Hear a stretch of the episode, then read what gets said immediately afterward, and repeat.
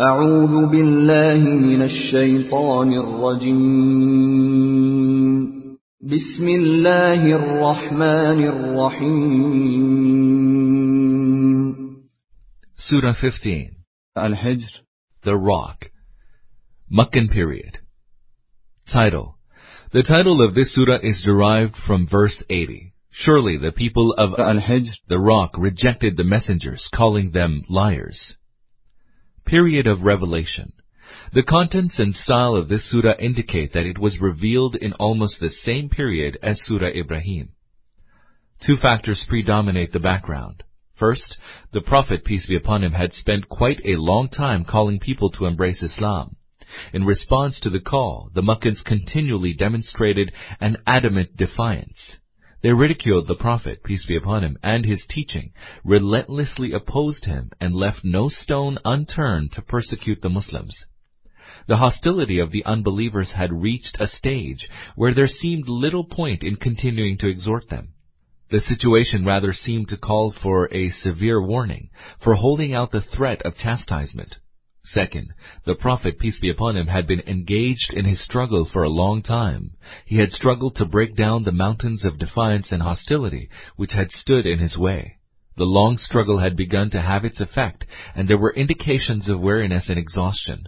Occasionally, the Prophet, peace be upon him, appeared to be heartbroken. This explains the several verses through which God comforted and consoled the Prophet, peace be upon him, and raised his morale. The central theme and subject. The central theme of the surah comprises two subjects. One, to warn those who had rejected the Prophet's message, ridiculed him, and tried to suppress his movement in a variety of ways. Two, to comfort and encourage the Prophet, peace be upon him. This, however, does not mean that the surah is devoid of the exposition and explication of the basic teachings of Islam, nor is it devoid of admonition. Nowhere in the Quran do we find that God resorted merely to warning and reproach. Exhortation and admonition go hand in hand with dire threats and trenchant rebukes to those who are opposed to the truth. No wonder. The present surah also has succinct statements embodying arguments in support of such basic doctrines as God's unity.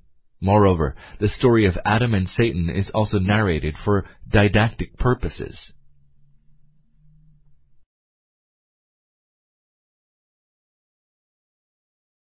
ألف لام را تلك آيات الكتاب وقرآن مبين Alif Lam Ra. These are the verses of the book and a clear Quran. And a clear Quran.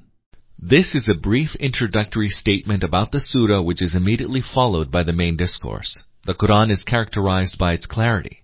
The purpose of this characterization is to emphasize that the Quran has set out its teachings in lucid terms, rendering them understandable.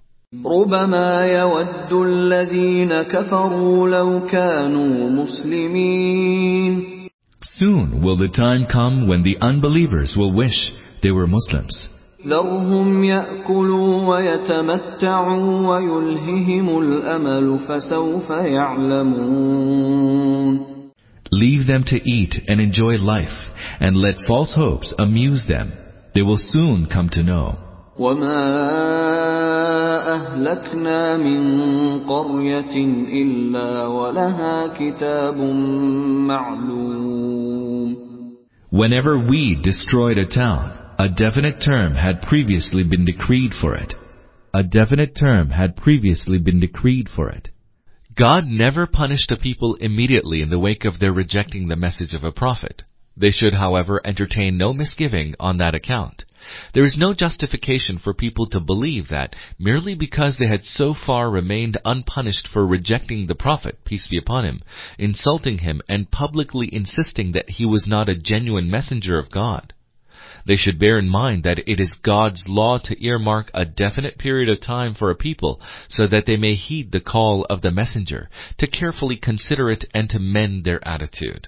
During this period, that nation is allowed to act as it wishes, and God magnanimously tolerates its behavior despite full knowledge of its wickedness.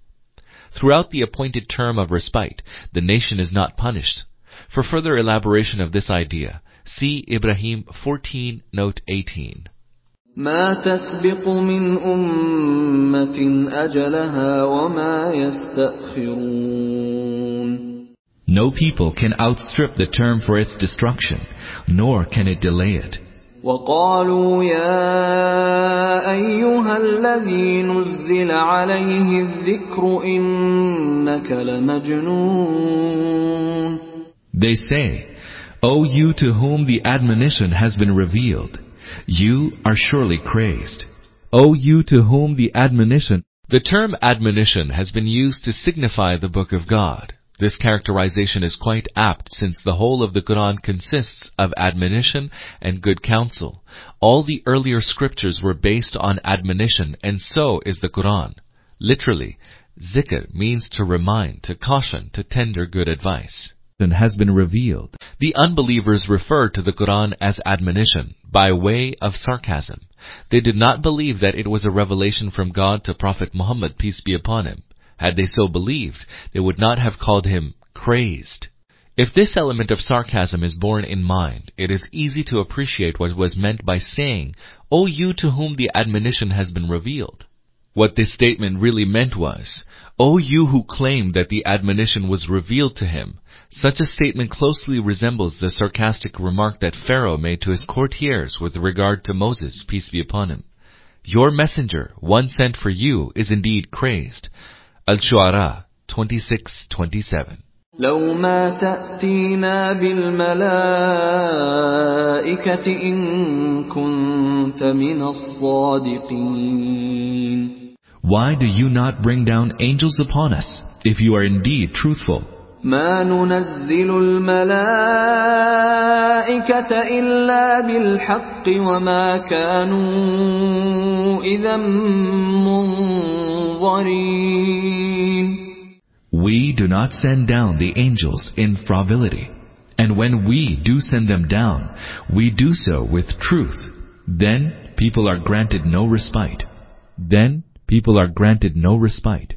Angels are not dispatched to a people merely to entertain them. Hence it makes no sense that whenever a people ask God to send angels down to earth, God accepts it forthwith.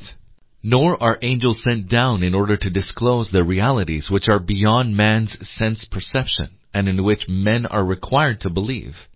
Instead, angels are sent down to a people after a definitive decision has been made by God to destroy them. When that moment comes, the angels do not go to that people with the message, believe and you will be spared God's punishment. The respite granted to the unbelievers to accept the teaching of the Prophet lasts only as long as the reality remains concealed from their sense perception. Once that reality stands fully disclosed, the time for believing is over. The statement that angels are sent down in truth implies that they descend in order to wipe out falsehood and replace it with the truth. In other words, they are sent down with God's decree to destroy a people and make sure that the decree is fully enforced. إنا نحن نزلنا الذكر وإنا له لحافظون As for the admonition, we have revealed it, and we indeed are its guardians. And it is indeed we who are its guardians. The unbelievers dubbed the Prophet, peace be upon him, the bearer of admonition as crazed. It is emphasized here that the admonition was not something which the Prophet, peace be upon him, made up. Instead, it was revealed to him by God. Hence, the taunts and abuse hurled at the Prophet, peace be upon him, is in fact aimed at God. The unbelievers are also asked to disabuse their minds of the idea that they would be able to cause any hurt to the Book of God.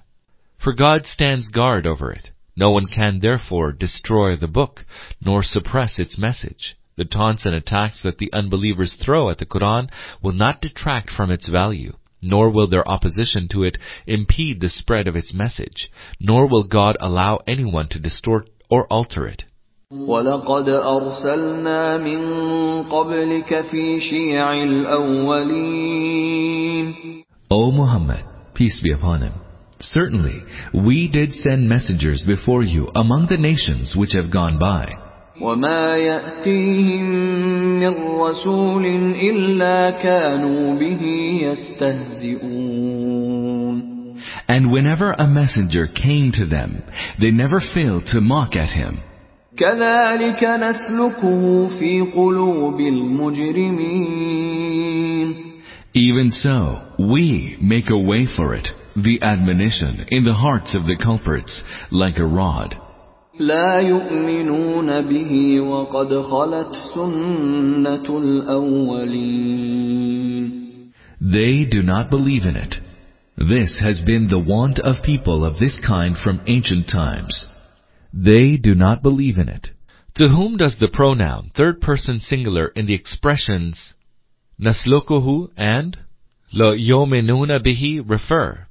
In the former instance, translators and commentators on the Quran consider the pronoun lahu to refer to the act of mocking, see verse 11 above, and in the latter to refer to the admonition, see verse 9. On the basis of that assumption, the verse means that God causes mocking to enter into the hearts of culprits. As a result, they do not believe in admonition. From a purely grammatical standpoint, this explanation cannot be faulted. However, both from a grammatical viewpoint as well as otherwise, we are of the view that in both cases the pronoun should preferably be deemed to refer to the admonition. The Arabic word salaka literally means to penetrate, to put something into another as thread is put into a needle. What the verse therefore means is that so far as the believers are concerned, when the admonition penetrates their hearts, it provides them with peace of mind and spiritual nourishment. On the contrary, when it penetrates the hearts of the unbelievers, they feel as if it was a hot burning rod.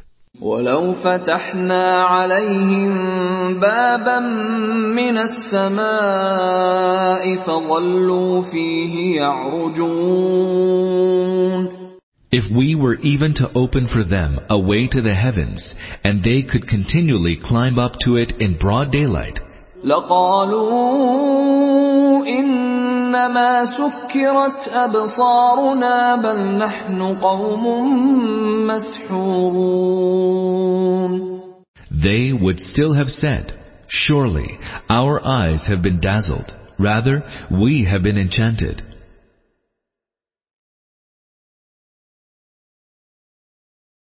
ولقد جعلنا في السماء بروجا وزيناها للناظرين We have indeed set constellations in the heavens and have beautified them for the beholders. We have indeed set constellations in the heavens. In Arabic, the word buruj is used to denote a fort or palace or a strong fortified building. In ancient astronomy, it was used as a term to indicate the twelve constellations which stood for the twelve spheres of the zodiac. In view of the above, some commentators of the Quran believe that the word Buruj refers here to the spheres of the zodiac.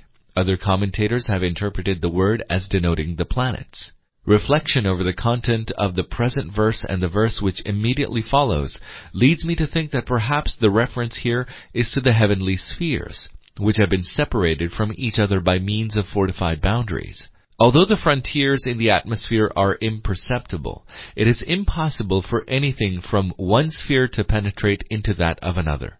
In this sense, we are inclined to consider Buruj as signifying fortified heavenly spheres, and have beautified them for the beholders. A shining planet or star was placed in every sphere with the result that the entire universe became illuminated.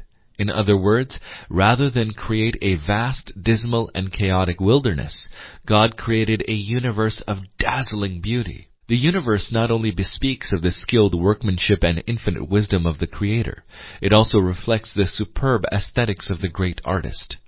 The same idea has been beautifully expressed in the Quran in the following words. He who created in perfect beauty everything that He created. Al-Sajda 32, 7. وحفظناها من كل شيطان رجيم and have protected them against every accursed Satan. And have protected them against every accursed Satan. Like other terrestrial creatures, the Satans belonging to the jinn species are also confined to the sphere of the earth. They have no access to the heavens. This has been stated in order to rectify the popular misunderstanding, a misunderstanding held both in the past and even today, that Satan and his descendants are free to strut about in the whole universe. Refuting this, the Quran states that Satans cannot proceed beyond a certain limit. Their power to soar above is not unlimited. إلا من استرق السمع فأتبعه شهاب مبين Save him who may eavesdrop, and then a bright flame pursues him. Save him who may eavesdrop. Here reference is made to those Satans who try to obtain information regarding matters belonging to the realm beyond the ken of sense perception, and convey it to others. With the help of this information, many soothsayers, hermits, and fake saints try to dupe people by claiming to know much more than they actually do. Those Satans try to obtain information by eavesdropping. They are able to do so because their constitution is closer to angels than to human beings, but in actual fact, they are able to lay their hands on nothing. And then a bright flame pursues him. The Quranic expression Shihab Mubin means bright flame. Elsewhere, the Quran uses the expression Shihab Sakib, literally, the flame that penetrates the darkness. What the Quran means by this expression is not necessarily that it is a meteor. It might in fact be referring to some cosmic rays or possibly to some other kind of rays not yet known to us. At the same time, it is also possible that the expression might indeed refer to the meteors, which we occasionally observe shooting across the sky and then falling to earth. According to recent astronomical observations, the number of meteors which rush towards the earth from outer space is 1 trillion a day. Of these, about 20 million reach the upper atmosphere of the earth. Out of these, barely one meteor reaches the earth. The speed of these meteors in outer space is around 26 miles per second, sometimes reaching 50 miles per second. Sometimes almost a rainfall of meteors has been witnessed even by the naked eye. It is on record that on 12th November 1833 in the eastern part of North America, 200,000 meteors were seen falling to earth from midnight till morning in just one location. Possibly this mass rain of meteors might be the impediment which prevents the free movement of Satans in outer space. For it is quite understandable that the rain of a trillion meteors would have made the outer atmosphere impassable for them. This throws some light on the nature of the fortified spheres referred to earlier. Apparently, the atmosphere is transparently clear without any visible walls or ceilings. However, God has surrounded it by a number of imperceptible protective walls which safeguard one sphere from the onslaught of another. As a result of these protective walls, out of a trillion meteors which come shooting towards the earth, only one manages to reach its surface. Of the meteorites preserved in museums all over the world, the largest one weighs 645 pounds. This penetrated 11 feet into the ground when it crashed to Earth. Moreover, there is also a huge piece of iron weighing 36.5 tons. The only plausible explanation that scientists have been able to offer for its presence is that it is also perhaps a meteorite. One may thus visualize that but for the safeguard provided by the protective spheres the rain of shooting stars would have wreaked havoc on the earth. These fortified spheres are called buruj in the Quran. والأرض مددناها وألقينا فيها رواسي وأنبتنا وأنبتنا فيها من كل شيء موزون And the earth, we have stretched it out and have cast on it firm mountains and have caused to grow in it everything well measured. And the earth, we have stretched it out and have cast on it firm mountains and have caused to grow in it everything well measured. Here attention is drawn to another significant sign of God's absolute power and wisdom. Plants have a capacity for growth and multiplication that if one plant were to flourish unchecked, it would leave no room for any other plant to grow. However, since the universe represents a well thought out design of the all-wise and all-powerful creator, we witness that the growth of each plant variety stops at a certain point. Another manifestation of the same phenomenon is that plants of every volume, diameter, height, and growth potential have a certain limit which they may not exceed. It's quite evident that someone has fixed the shape, size, foliage, and output of each and every tree, plant, and vine. It's also evident that all this was done with perfect precision. وجعلنا لكم فيها معايش ومن لستم له برازقين And we have provided sustenance for you on it, and also for those of whom you are not the providers. وإن من شيء إلا عندنا خزائنه وما ننزله إلا بقدر معلوم There is nothing except that its treasuries are with us, and we do not send it down except in a known measure. And we do not send it down except in a known measure. That God creates everything with perfect precision and in a well-measured manner is not confined to plants. It rather applies to all creatures on the earth. A definite measure and limit has been determined for whatever exists, whether it is air, water, light, heat, or cold, and whether they are minerals, plants, or animals. In short, it has been determined from on high that every object, every species in existence, and every form of energy found in the universe should exist strictly according to the measure and within the limits determined by God. It is certainly owing to God's wise and superb determination of everything that has produced the balance and proportion which we find in the entire universe. Had the universe been the mere product of an accident, or had it been created by a number of gods, there would never have been the perfect balance and superb proportion that we find between the objects and forces of the universe, let alone that the balance and proportion would have endured in the manner it has. وأرسلنا الرياح لواقح فأنزلنا من السماء ماء فأسقيناكموه فأسقيناكموه وما أنتم له بخازنين We send fertilizing winds and then cause rain to descend from the sky, providing you abundant water to drink even though you could not have stored it up for yourselves.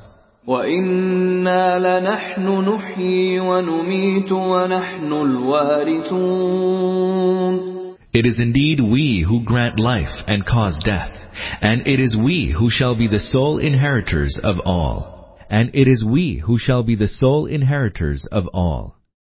God alone will ultimately inherit all, since all beings except God himself are destined to pass away. Men have been granted the opportunity to make use of their possessions only temporarily. A day will come when they will leave everything behind in the world. Then, ultimately, everything will revert to God's treasury.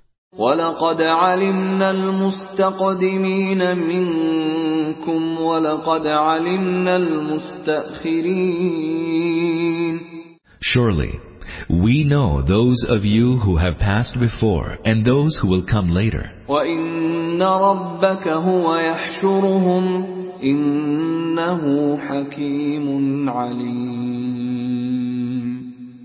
Indeed, your Lord will gather them all together. Surely, He is all-wise, all-knowing. Indeed, your Lord will gather them all together. Surely, He is all-wise, all-knowing. God's wisdom requires that He should muster together all human beings. His knowledge is so vast and encompassing that no living being can escape His grasp. In fact, such is God that He will not allow to be lost even an atom of the dust of which man was constituted. Hence, whoever doubts the possibility of the hereafter has no idea of God's wisdom. Likewise, whoever pleads that it is simply impossible to resurrect human beings since their bodies will totally disintegrate after death is also absolutely ignorant of the extent of God's power and knowledge. ولقد خلقنا الإنسان من صلصال من حمأ مسنون and indeed, we brought man into being out of dry ringing clay, which was wrought from black mud, which was wrought from black mud. The Quran here clearly refutes the doctrine that it was after a process of evolution in the course of which man passed through genetic adaptation involving many stages of animal existence that he entered the stage of humanity. This Quranic statement is therefore in direct conflict with the opinions that are currently being expressed by some commentators on the Quran who, under the influence of the Darwinian theory of evolution, are striving to lend support to that theory with arguments drawn from the Quran. They do so in spite of the fact that the Quran envisages that man was directly created out of the elements derived from the earth. The material mentioned has been described as Salsale min hama masnoon. The word hama in Arabic is used for black mud, which has a bad odor owing to its rottenness or as a result of fermentation. As for the word masnoon, it has two meanings. First, it denotes something smooth and slippery because of its rottenness. Second, the word signifies something that has been fashioned into a particular shape. The word salsal is used for clay, which, once dried, has a ringing sound. These words are clearly indicative of the fact that the skeleton of a species was fashioned out of rotting clay. Once it dried up, it was infused with a soul. والجان خلقناه من قبل من نار السموم While we had brought the jinn into being before, out of the blazing fire. While we had brought the jinn into being before, out of the blazing fire. Samum denotes blazing wind. Used in conjunction with nar, the word suggests intense heat. This explains the Quranic statements which mentions the jinn to have been brought into being out of fire. وإذ قال ربك للملائكة إني خالق بشرا من صلصال من حمأ مسنون Recall, when your Lord said to the angels, I will indeed bring into being a human being out of dry ringing clay, wrought from black mud. فإذا سويته ونفخت فيه من روحي فقعوا له ساجدين when I have completed shaping him and have breathed into him of my spirit, then fall you down before him in prostration. When I have completed shaping him and have breathed into him of my spirit, From this we learn that the soul infused into man is a reflection of God's attributes. We see that man has been invested with life, knowledge, power, will, volition, and other similar attributes. Taken together, these stand for his soul or spirit. It is a mild reflection of the divine attributes bestowed on man who was created out of clay. By dint of the reflection of divine attributes, man became God's vicegerent on earth. By virtue of the same, everything on the earth, including angels, were made to prostrate before man. Every attribute found in human beings owes its origin either to one attribute of God or another. This is evident from the tradition which states, God divided mercy into a hundred parts. Of this, he retained ninety-nine parts and sent down to earth just one part. It is because of this that creatures are kind to one another, so much so that an animal raises its hoof away from the body of its young, one lest it might hurt it. What, however, distinguishes man from other creatures and makes him superior to them is the comprehensiveness of God's attributes as reflected in man. This idea, however, is quite subtle and any misunderstanding in grasping it might result in creating the illusory belief that the reflection of a divine attribute amounts to acquiring a part of divinity. That is, of course, altogether out of the question, since divinity is totally beyond the reach of all creatures. فسجد الملائكة كلهم أجمعون So the angels, all of them, fell down in prostration, إلا إبليس أبى أن يكون مع الساجدين except Iblis. He refused to join those who prostrated. Except Iblis. He refused to join those who prostrated. Al-Baqarah 2:30 footnotes Al-Nisa 4:116 footnotes Al-Araf 7:11 and the relevant notes therein. قال يا إبليس ما لك ألا تكون مع الساجدين The Lord inquired, Iblis, what is the matter with you that you did not join those who prostrated? قال لم أكن لأسجد لبشر خلقته من صلصال من حمأ مسنون He said, It does not behove of me to prostrate myself before a human being whom you have created out of dry ringing clay wrought from black mud. قال فاخرج منها فإنك رجيم The Lord said, Then get out of here.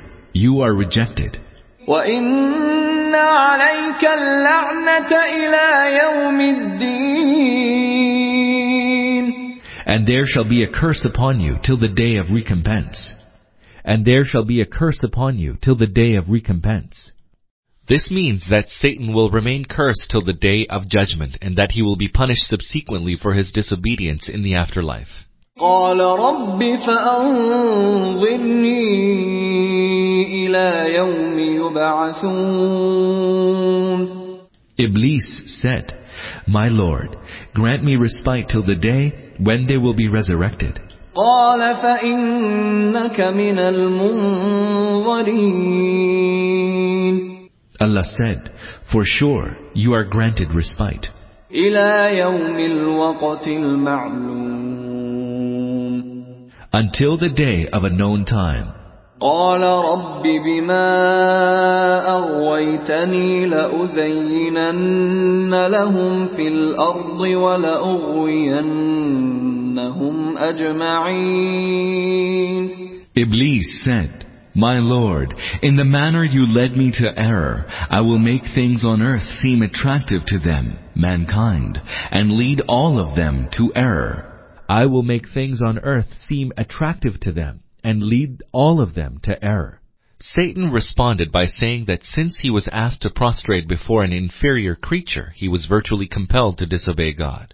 He would therefore make the worldly life attractive to mankind, so that they are tempted by it and disobey God. In other words, Satan said that he would make the ephemeral benefits and advantages of worldly life so attractive to man that he would forget all about his vicegerency of God and his accountability to him in the hereafter.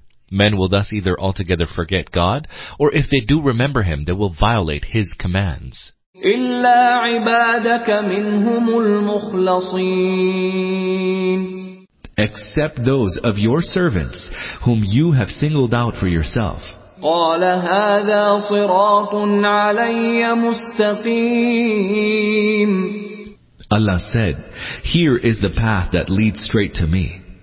Allah said, Here is the path that leads straight to me. The Quranic expression may be translated in two ways. One possible meaning is, Here is the path that leads straight to me. We have understood the verse to mean so, and this is reflected in our translation. Another meaning could be, This is the right way which I have taken upon myself to keep under my protection.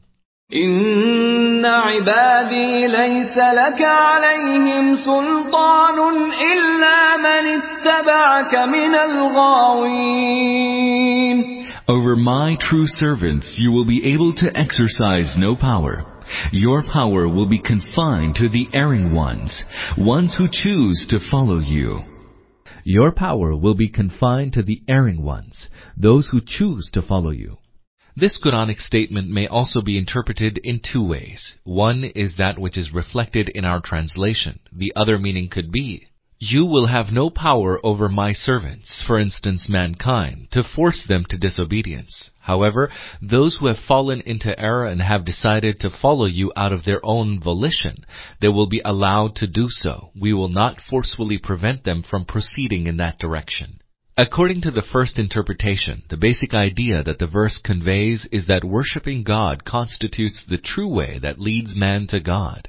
Satan is unable to exercise any dominating influence over the people who choose to follow this way. God will single out such people exclusively for himself.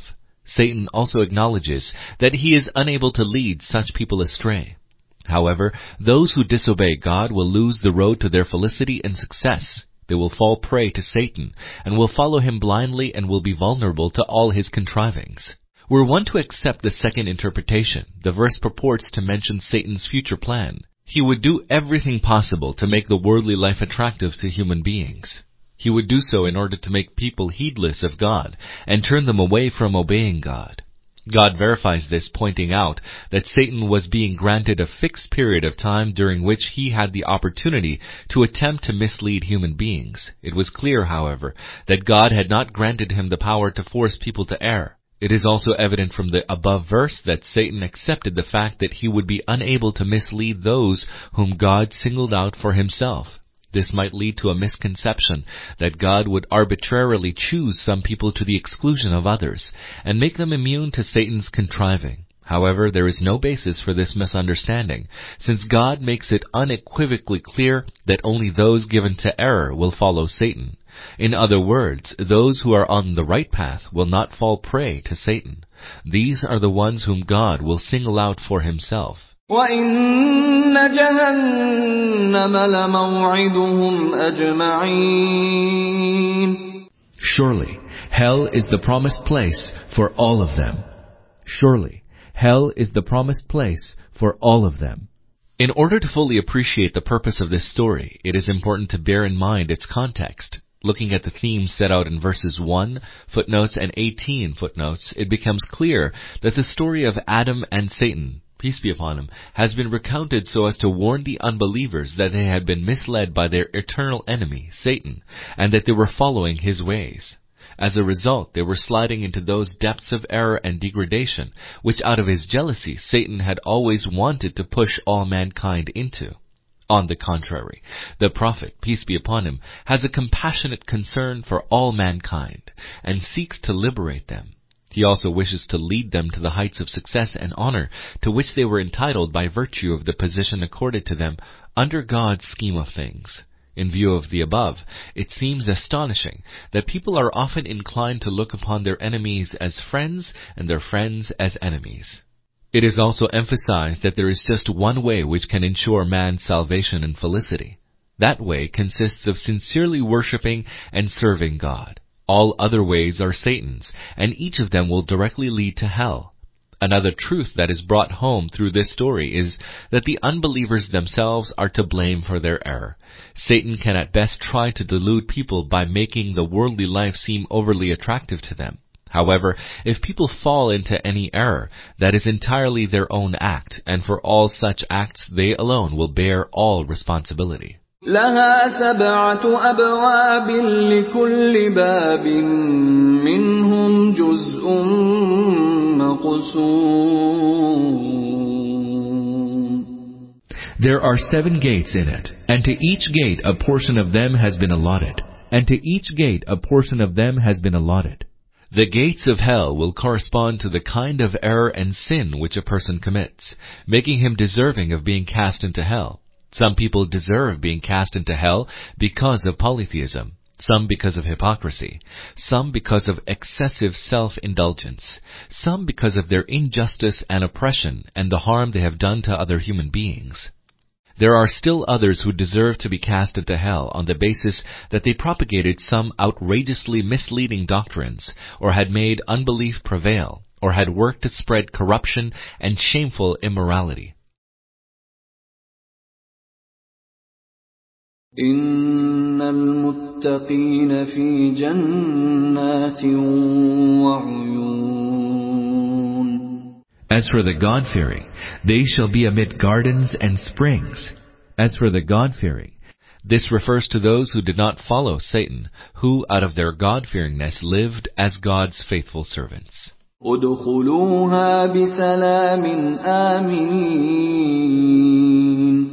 They will be told, Enter it in peace and security. ونزعنا ما في صدورهم من غل إخوانا على سرر متقابلين And we shall purge their breasts of all traces of rancor, and they shall be seated on couches facing one another as brothers. And we shall purge their breasts of all traces of rancor, The hearts of the righteous will be purged of any feeling of bitterness and rancor, if they ever had any such feelings, before entering paradise. لا يمسهم فيها نصب وما هم منها بمخرجين They shall face no fatigue in it, nor shall they ever be driven out of it. They shall face no fatigue in it, nor shall they ever be driven out of it.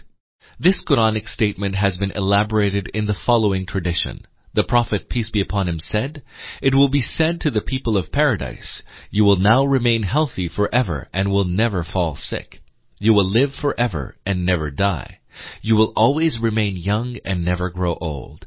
You will always remain settled and will never require to undertake the strain of any journey.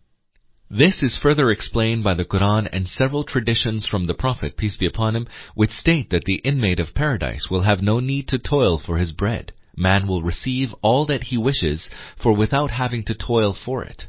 نبئ عبادي أني أنا الغفور الرحيم O Prophet, declare to my servants that I am indeed ever forgiving, most merciful. وأن عذابي هو العذاب الأليم At the same time, my chastisement is highly painful. ونبئهم عن ضيف إبراهيم And tell them about Abraham's guests, peace be upon him. and tell them about Abraham's guests, peace be upon him. This marks the commencement of the story of Abraham, peace be upon him. This is immediately followed by the story of the people of Lot, peace be upon him. In order to fully understand the underlying purpose of this narration, it is necessary to bear in mind some of the verses in the earlier part of the present surah. First of all, we encounter the statement of the Meccan unbelievers. Why do you not bring down angels upon us if you are indeed truthful? Verse 7. At that point, a brief rejoinder has been made. We do not send down angels in frivolity. And when we do send them down, we do so with truth, and then people are granted no respite. Verse 8. An elaboration of the same point is made here with reference to these two stories. The unbelievers are told that the angels had brought one kind of truth to Prophet Abraham, peace be upon him, verses 52 to 6, but brought truth of quite another kind to the people of Lot, peace be upon him. Now it was for the unbelievers themselves to decide which truth should be communicated to them. It was quite obvious that they had not brought along the kind of truth which was sent to Abraham, peace be upon him, through the angels. Were they then desirous that the kind of truth which was brought to the people of Lot, peace be upon him, by the angels, one that spelled mass destruction, should also be sent to them? إذ دخلوا عليه فقالوا سلاما قال إنا منكم وجلون When they came to Abraham, they said, Peace be upon you. He replied, Indeed, we feel afraid of you. He replied, Indeed, we feel afraid of you. Hud 11:69 and the relevant notes there. قالوا لا توجل إنا نبشرك بغلام عليم They said, Do not feel afraid, for we give you the good news of a clever boy. For we give you the good news of a clever boy. This alludes to the prophecy about the birth of Isaac, peace be upon him, which has been clearly stated in Hud. See verse 71. قال أبشرتموني على أن مسني الكبر فبم تبشرون Abraham, peace be upon him, said, What? Do you give me this tiding though old age has smitten me? Just consider, what tiding do you give me? قالوا بشرناك بالحق فلا تكن من القانطين They said, The good tiding we give you is of truth. Do not therefore be of those who despair. قال ومن يقنط من رحمة ربه إلا الضالون Abraham, peace be upon him, said, Who despairs of the mercy of his Lord, except the misguided? قال فما خطبكم أيها المرسلون He added, What is your errand, O sent ones? He added, What is your errand, O sent ones? It is evident from Prophet Abraham's peace be upon him's question that angels appear in human form only in extraordinary circumstances. Whenever they come in that form, it is to carry out some extraordinary mission. قالوا إنا أرسلنا إلى قوم مجرمين They said, Verily, we have been sent to a guilty people. They said, Verily, we have been sent to a guilty people. The brevity of the reference indicates that the guilt of the people of Lot, peace be upon him, had exceeded all limits, and that they had become quite notorious for it. As a result, it was sufficient to mention them as a guilty people without specifically naming them. إلا آل لوط إنا لمنجوهم أجمعين Excepting the household of Lot, we shall deliver all of them. إلا امرأته قدرنا إنها لمن الغابرين Except his wife, about whom Allah says that, we have decreed that she shall be among those who stay behind.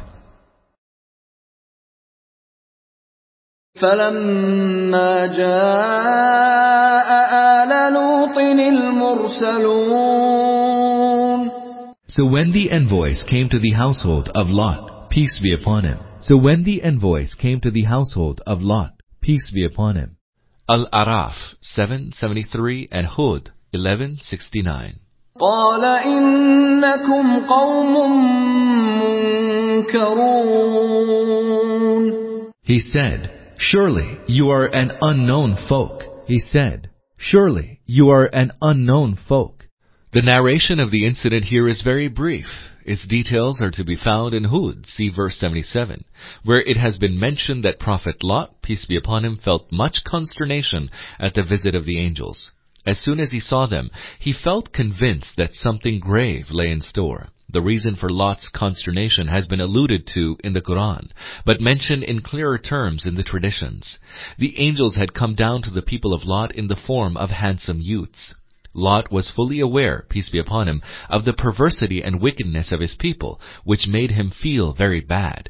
Lot, peace be upon him, was also worried at his helplessness, for he was neither in a position to send his guests back, nor to keep them away from the reach of his wicked people. قالوا بل جئناك بما كانوا فيه يمترون They said, Nay, we have brought to you that concerning which they have been in doubt.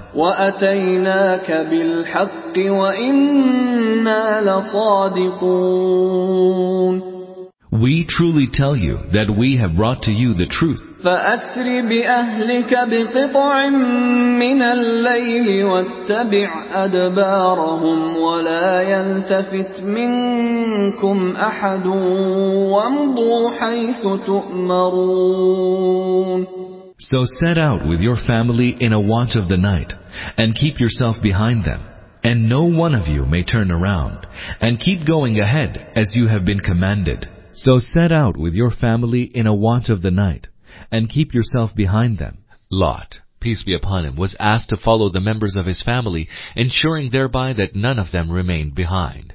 And no one of you may turn around. This does not mean that as soon as they looked behind, they would be turned into pillars of salt, as the Bible says. Genesis 19:26. What was being asked was simply that they should not be prompted by the noise behind them to pause and see what was going on. There was no time to lose, no time to feel sorrow at the tragic end which was about to befall that wicked nation. For if they lost any time, they might also be seized by the calamitous punishment aimed at the people of Lot. وقضينا إليه ذلك الأمر أن دابر هؤلاء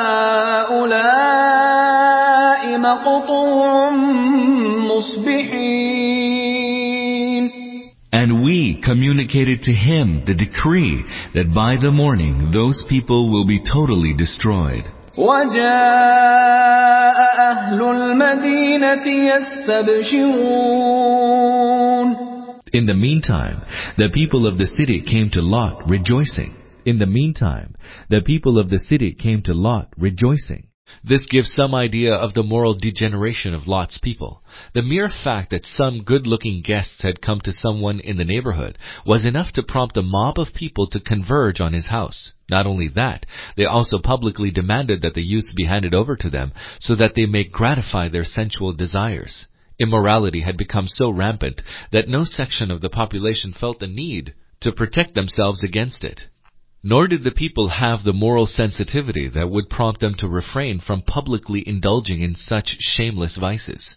Now, if these people had the audacity to storm the house of someone as well known for his piety and righteousness as Lot, peace be upon him, it is easy to imagine the extent of the moral corruption that was rampant in that land.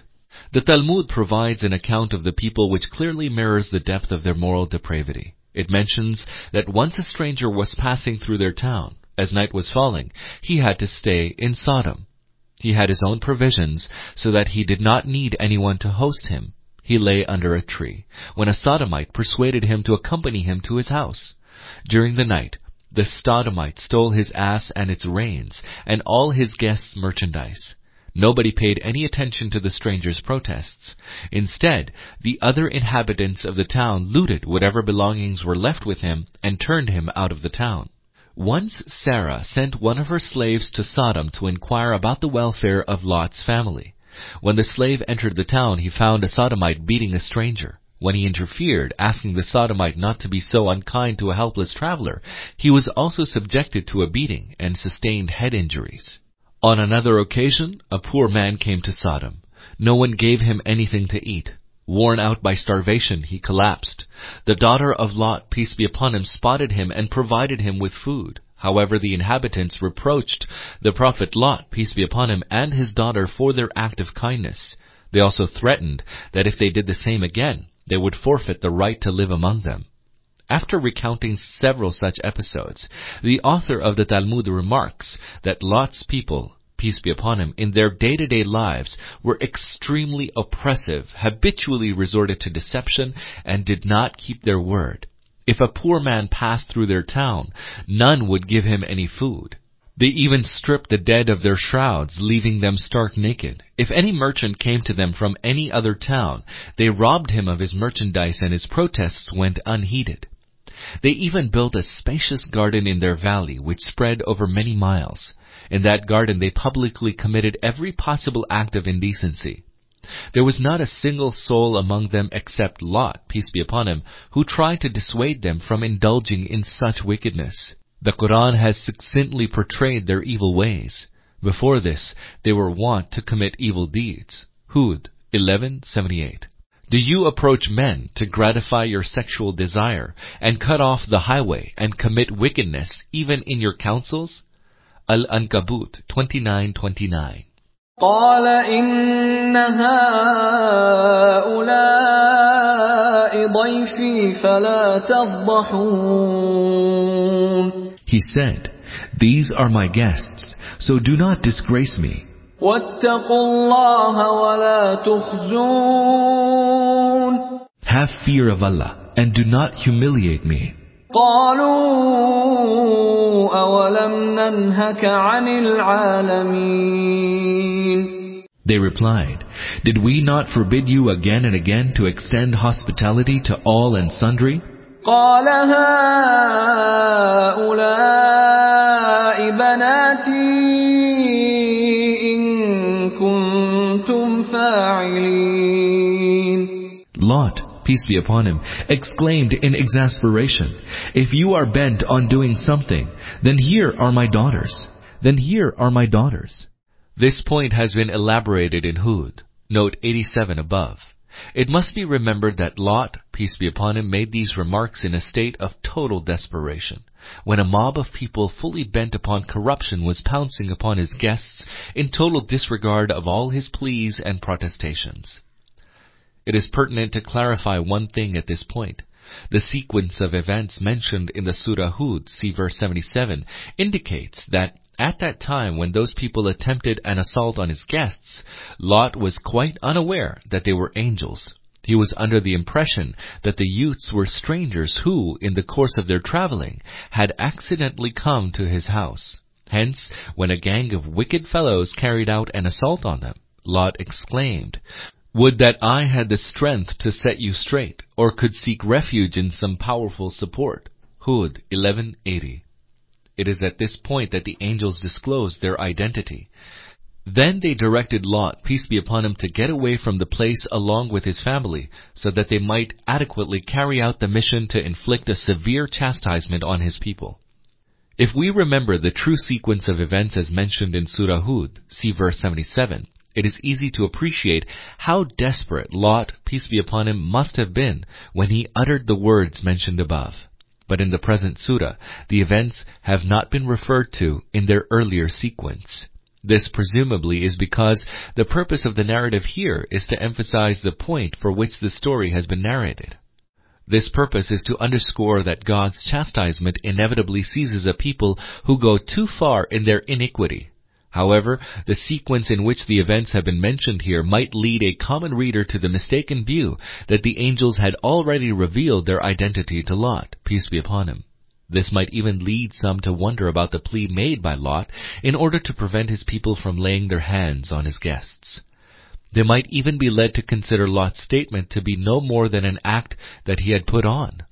لعمرك إنهم لفي سكرتهم يعمهون By your life, O Prophet, they went about blindly stumbling in their intoxication.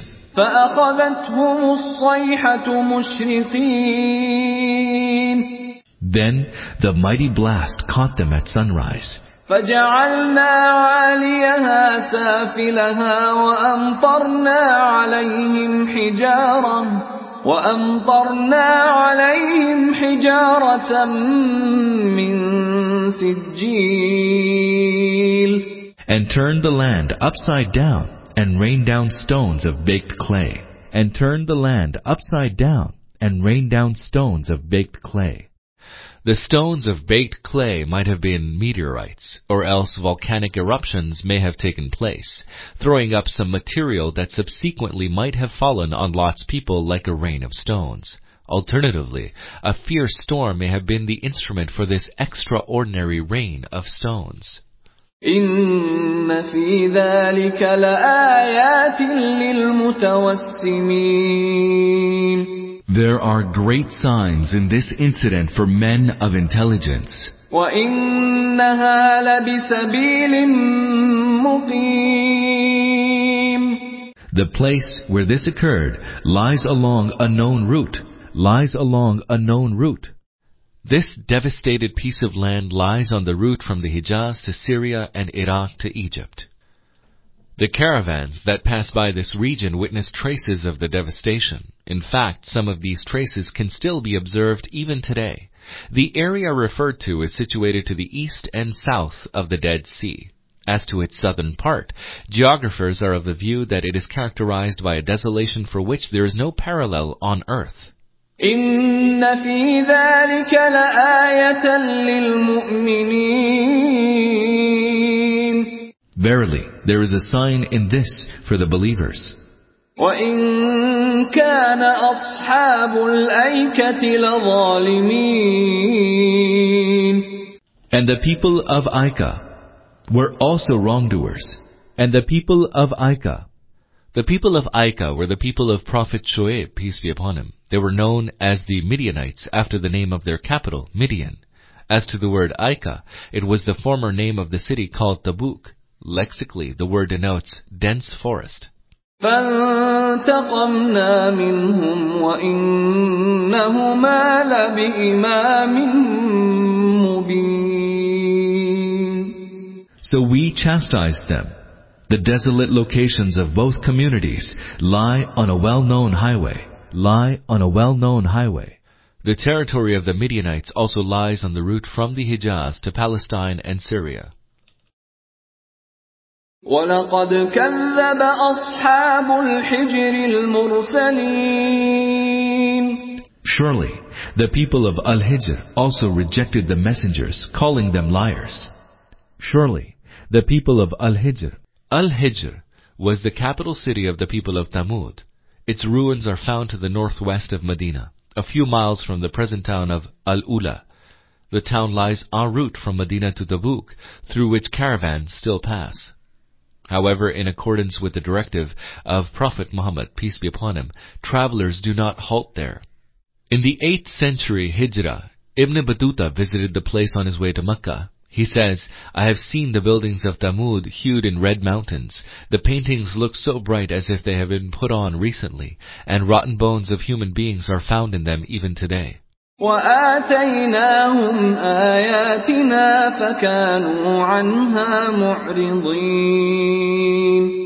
We also gave them our signs, yet they turned away from them. وكانوا ينحتون من الجبال بيوتا آمنين They used to hew out houses from the mountains and lived in security. فأخذتهم الصيحة مصبحين Then the blast caught them in the morning.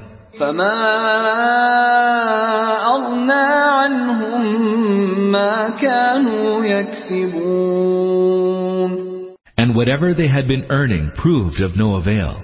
And whatever they had been earning proved of no avail. That is, their sturdy, rock-hewn houses totally failed to protect them from God's chastisement.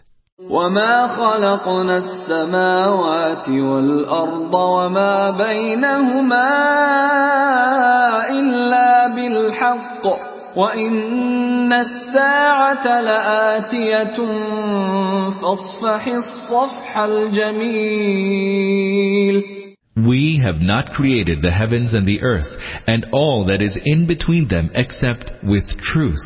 Surely the hour will come. So, O Muhammad, peace be upon him, do graciously overlook them despite their misdeeds. We have not created the heavens and the earth and all that is in between them except with truth. This is stated so as to comfort Prophet Muhammad, peace be upon him. He is told that even though falsehood apparently seemed to dominate, and that there lay many obstacles and difficulties in the path of truth, one should not be daunted by them, for this state is purely transient and cannot endure. This is because the heavens and the earth have been created with truth. In fact, the whole universe is in consonance with the truth and discordant with falsehood. It is the truth rather than falsehood which endures. إن ربك هو الخلاق العليم Your Lord is indeed the creator of all, the all-knowing. Your Lord is indeed the creator of all, the all-knowing. Being the creator, God holds total sway over all his creatures. None can elude his grip. Moreover, being the creator, God is all-knowing. He is fully aware of all the efforts made by Prophet Muhammad, peace be upon him, to reform his people. He is also fully cognizant of the stratagems of the Prophet's enemies, designed specifically to frustrate his efforts. Hence, there is no reason for the Prophet, peace be upon him, to lose his patience, for in the course of time, full justice will be done. ولقد آتيناك سبعا من المثاني والقرآن العظيم We have indeed bestowed on you the seven oft-repeated verses and the great Quran, the seven oft-repeated verses. The expression seven oft-repeated verses stands for the seven verses of the opening surah of the Quran, Al-Fatiha. Some scholars, however, consider the expression to refer to the seven long surahs, of which has more than 200 verses. These surahs are Al-Baqarah, Al-Imran, Al-Nisa, Al-Maida, Al-An'am, Al-Araf, and Yunus, or Al-Anfal, or Al-Tawbah. All the above mentioned surahs are among the longer surahs of the Quran. The vast majority of Muslim scholars, however, are agreed that the expression refers to Al-Fatiha. Al-Bukhari mentions two traditions which show that the Prophet, peace be upon him, himself clarified that the seven repeated verses signified Al-Fatiha. And the great Quran, This was also said with a view to comforting and consoling the Prophet, peace be upon him, and his companions. At that time they were in a state of miserable suffering. Some time after the assumption of his onerous responsibilities, the Prophet's trade activities virtually came to a halt. The savings of his wife Khadija were also exhausted during the course of about ten years. This much should suffice to explain the financial predicament of the Prophet, peace be upon him. So far as the rest of the Muslims are concerned, some young men were expelled from their homes. Those who were engaged in trade or had some vocation were financially crippled as a result of the economic boycott. In addition to these, many Muslims lacked any financial locus standi since their social status was that of slaves or clients, mawali. Thus the Prophet, peace be upon him, and his companions had quite a miserable existence in Mecca and the areas around it owing to the severe persecution to which they were subjected. Everywhere they were ridiculed, insulted, and vilified. As if mental torture was not enough, they were also subjected to cruel physical chastisements. In sharp contrast to the lot of the Muslims was the situation of the unbelievers of the Quraysh. Their chiefs were conspicuously prosperous. All kinds of worldly enjoyments were plentifully available to them. It is in the context of these circumstances that the believers are being asked not to lose heart. For God has blessed them with something which is far more valuable than all worldly riches the moral and intellectual wealth granted to the Muslims is incomparably superior to the unlawfully earned material wealth in possession of the unbelievers. The latter kind of wealth will be of no avail to them, for they will be utterly bankrupt when they appear before their Lord on the day of judgment. لا تمدن عينيك إلى ما متعنا به أزواجا منهم ولا تحزن عليهم ولا تحزن عليهم واخفض جناحك للمؤمنين Do not even cast your eyes towards the worldly goods we have granted to different kinds of people, nor grieve over the state they are in, but turn your loving attention to the believers instead. Nor grieve over the state they are in. the Prophet, peace be upon him, is being asked not to grieve over the lot of the unbelievers. They mistook their sincere well-wisher for an enemy. They considered doctrinal errors and moral corruption as matters one ought to be proud of. They were well advanced on a path that would inevitably lead them to a disastrous end. Above all, they had spared no efforts to frustrate the teachings of the Prophet, peace be upon him, who was engaged in striving to direct them to the way which would lead to their salvation. وقل إني أنا النذير المبين And clearly tell the unbelievers, I am most certainly a plain warner. كما أنزلنا على المقتسمين Even as we had sent warning to those who had divided their religion into fragments, الذين جعلوا القرآن عضين those who had split up their Quran into pieces, those who had split up their Quran into pieces. The reference here is to the Jews. They have been branded as muqtasimun, since they had torn their religion into shreds by believing in certain parts of it and not in others. They had also added a great deal to their original religion and divested it of many of its original features, which gave rise to the scores of sects in their midst. They had also split their scripture, which for them was like the Quran is to the Muslims, into fragments. The act mentioned here is in fact no other than what has been mentioned elsewhere in the Quran in the following words. Do you believe in a part of the scripture and reject the rest? Al-Baqarah 2:85. The purpose of the above statement is to warn the Muslims regarding matters for which the Jews had been warned earlier. The record of the Jews was highlighted in order that the Muslims might learn a lesson. The Jews had failed to heed warnings from God. This led to disastrous consequences. That this contained a lesson for the Muslims was quite evident. To fail to take heed of it amounted to choosing an end as tragic as that of the Jews. فوربك لنسألنهم أجمعين By your Lord, we will question them all, عما كانوا يعملون concerning what they have been doing.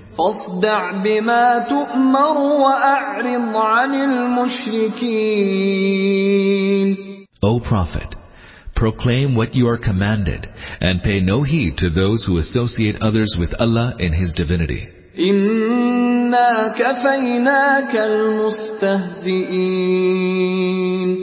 Surely, we suffice to deal with those who scoff at you. الذين يجعلون مع الله إلها آخر فسوف يعلمون those who set up another deity alongside Allah. They shall soon come to know. ولقد نعلم أنك يضيق صدرك بما يقولون We certainly know that their statements sorely grieve you. فسبح بحمد ربك وكن من الساجدين When you feel so, glorify your Lord with His praise and prostrate yourself before Him. واعبد ربك حتى يأتيك اليقين And worship your Lord until the last moment of your life. That will most certainly come.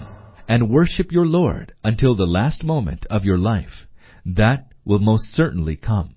Believers are bound to encounter hardships in the course of their efforts to propagate Islam and bring about reform in the lives of people. They can face the hardships and sufferings which come their way only with the help of prayer and perseverance in the service of God.